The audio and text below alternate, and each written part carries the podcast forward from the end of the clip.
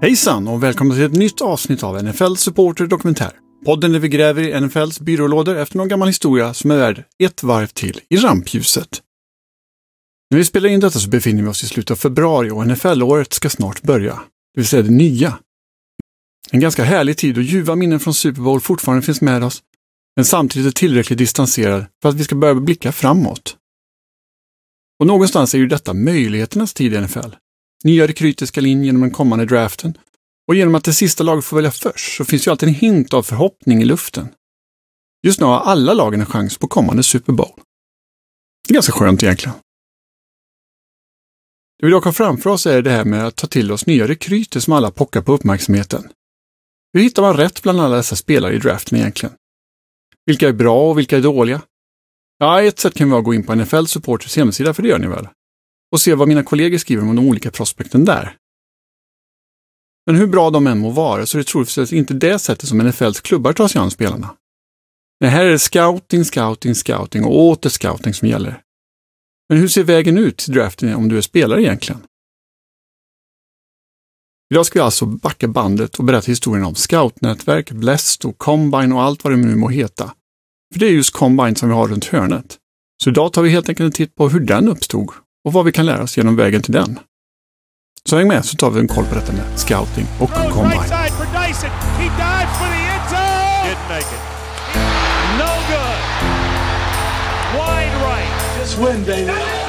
Due to the various uncertainties surrounding my position as it relates to the team's new ownership, um, I've decided to resign as the head coach of the New York Jets. Four words. This one's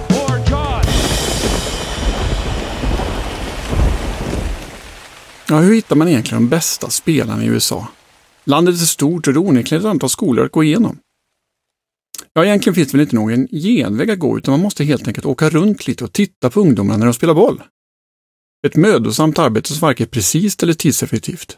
Men vad gör man inte för att försöka vinna över sina motståndare?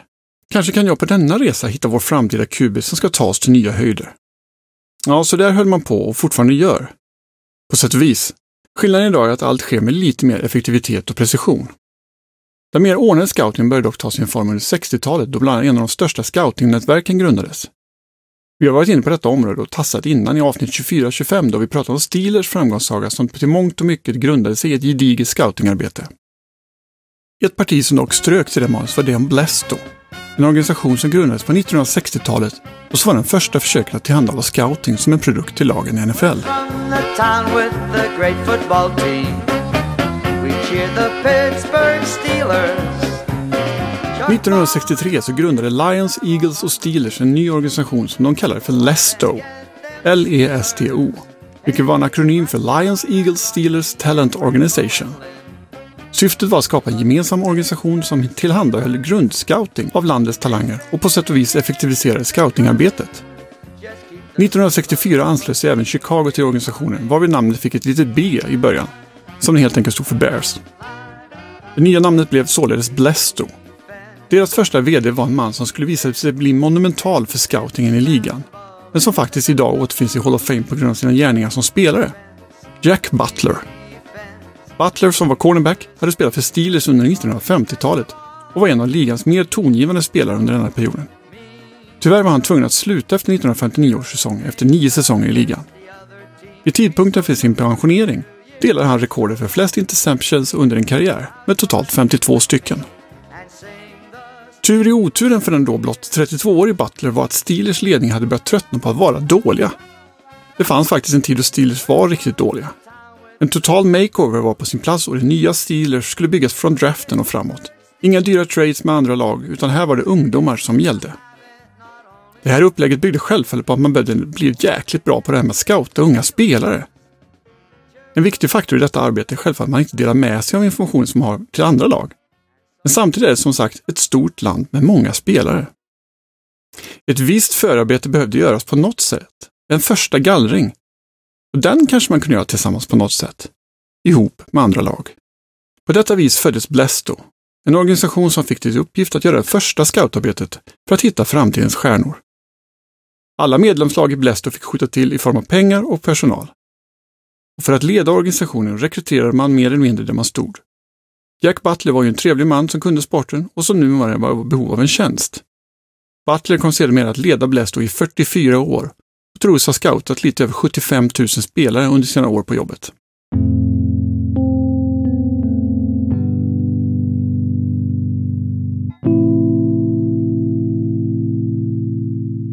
Blesto växte med åren och ganska snart så anslöt sig Vikings, vilket självfallet var välkommet. Men det ställde ju till det där med namngivningen av organisationen.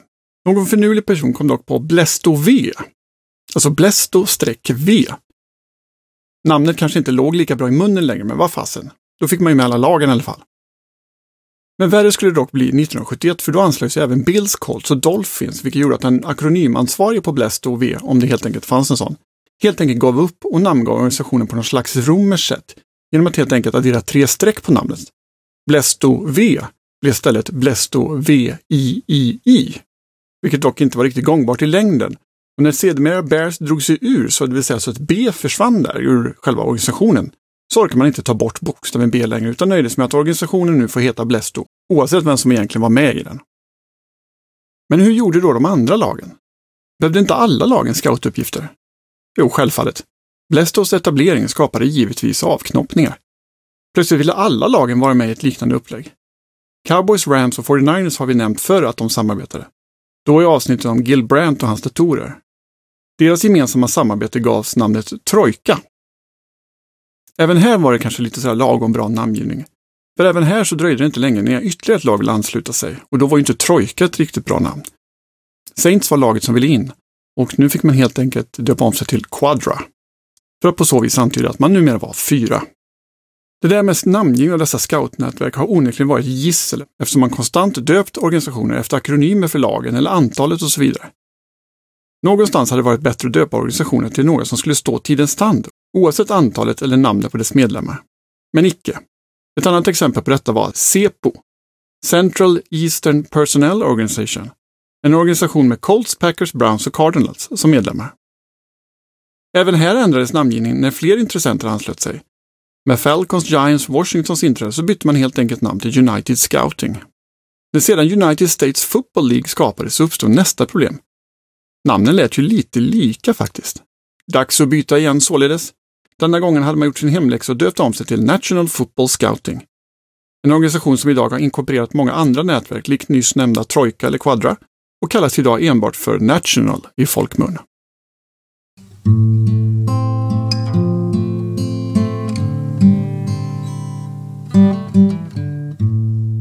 Men scoutnätverk i all ära, vad ska man egentligen med ett sådant till? Bygger inte mycket scouting på att man vet något som de andra lagen inte vet? Borde det inte vara kontraproduktivt att dela med sig massa information till värsta fienden? Mm. Både ja och nej. Scoutingnätverkens roll är att göra en första gallring bland de yngsta atleterna på college.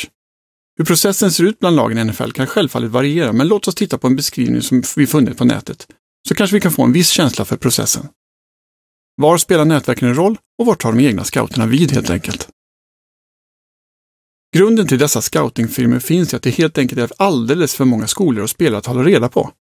Kort förklarat så gör dessa firmor en granskning av skolornas juniors, det vill säga studenter som gör sitt tredje år på läroverket och som följande år kommer vara seniors. Kortfattat så skulle man säga att de ligger en draftklass före lagens egna scouter. Det vill säga nu under säsongen 22-23 så har man helt enkelt tittat på de som ska in i draften 2024. Filmerna försöker då sätta ett spring grade, ett vårbetyg på varje spelare för att ge NFL-lagen en överblick över var man ska lägga sina resurser. En bit över 13 000 spelare blir genom denna process 600-700, vilket gör arbetet lite enklare när lagets egna scouter ska ge sig ut och scouta spelare under den kommande hösten.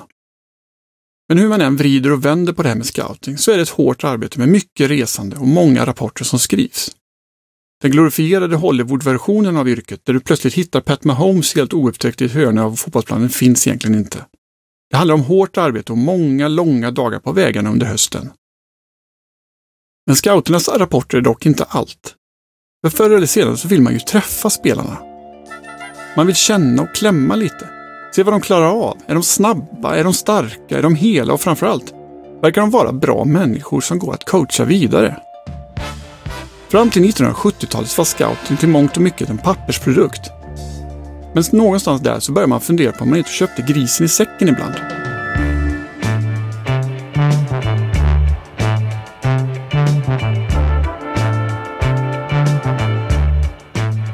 Först ut att göra något åt detta var New York Jets som 1976 bjöd in sista års elever från college till sin träningsanläggning.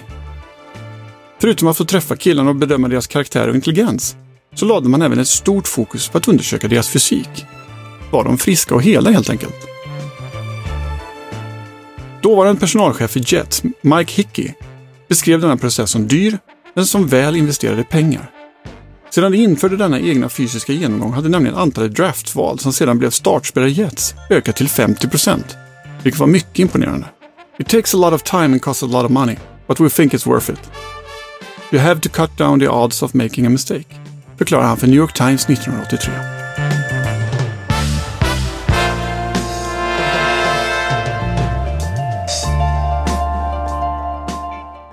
Jets arbete gick självfallet inte obemärkt i ligan och snart började alla lagen införa egna intervjuer och medicinska undersökningar.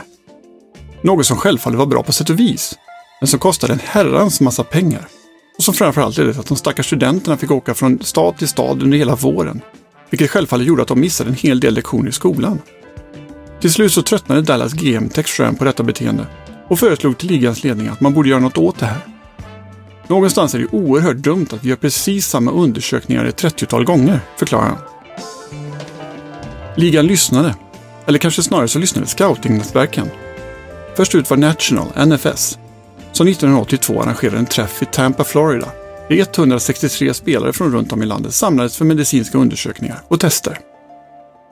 NFS upplägg kopierades ganska omgående av Blest och Quadra för att göra liknande tester för sina anslutna lag. Även om antalet resmål för studenterna minskades ner avsevärt genom detta så var det ganska uppenbart för samtliga involverade att det gick att spara ännu mer pengar om man helt enkelt höll ett enda stort tillfälle där alla scoutingnätverk och alla lag medverkade. 1985 fick således NFS som det största nätverket uppdraget att koordinera en central träff. Första sammankomsten hölls i Phoenix 1985, följt av New Orleans det följande året. Därefter så flyttar man permanent denna träff till Indianapolis där den återfinns än idag och poppar upp som ett säkert vårtecken varje år i början av mars. Namnet? Ja, varför krångla till det med bokstavsförkortningar eller hintar om var i landet man befinner sig? Nej, den här gången gjorde man helt enkelt det enkelt för sig och det var väl bra. För vad kallar man egentligen ett sammanslaget event? Varför inte kalla det för Combine?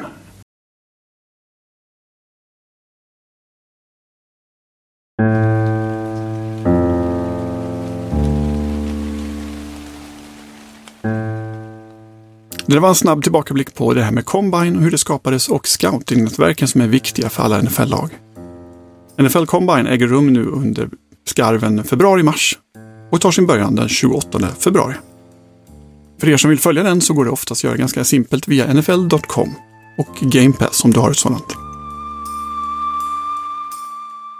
Vi som gör NFL Supporter Dokumentär tackar för uppmärksamheten idag och är snart tillbaka i en poddspelare nära dig.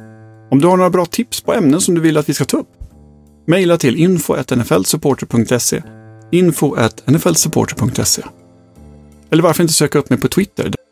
Där hittar ni mig under @fogelinper. @fogelinper. Tills nästa gång vi hörs, ha det riktigt bra. Ciao!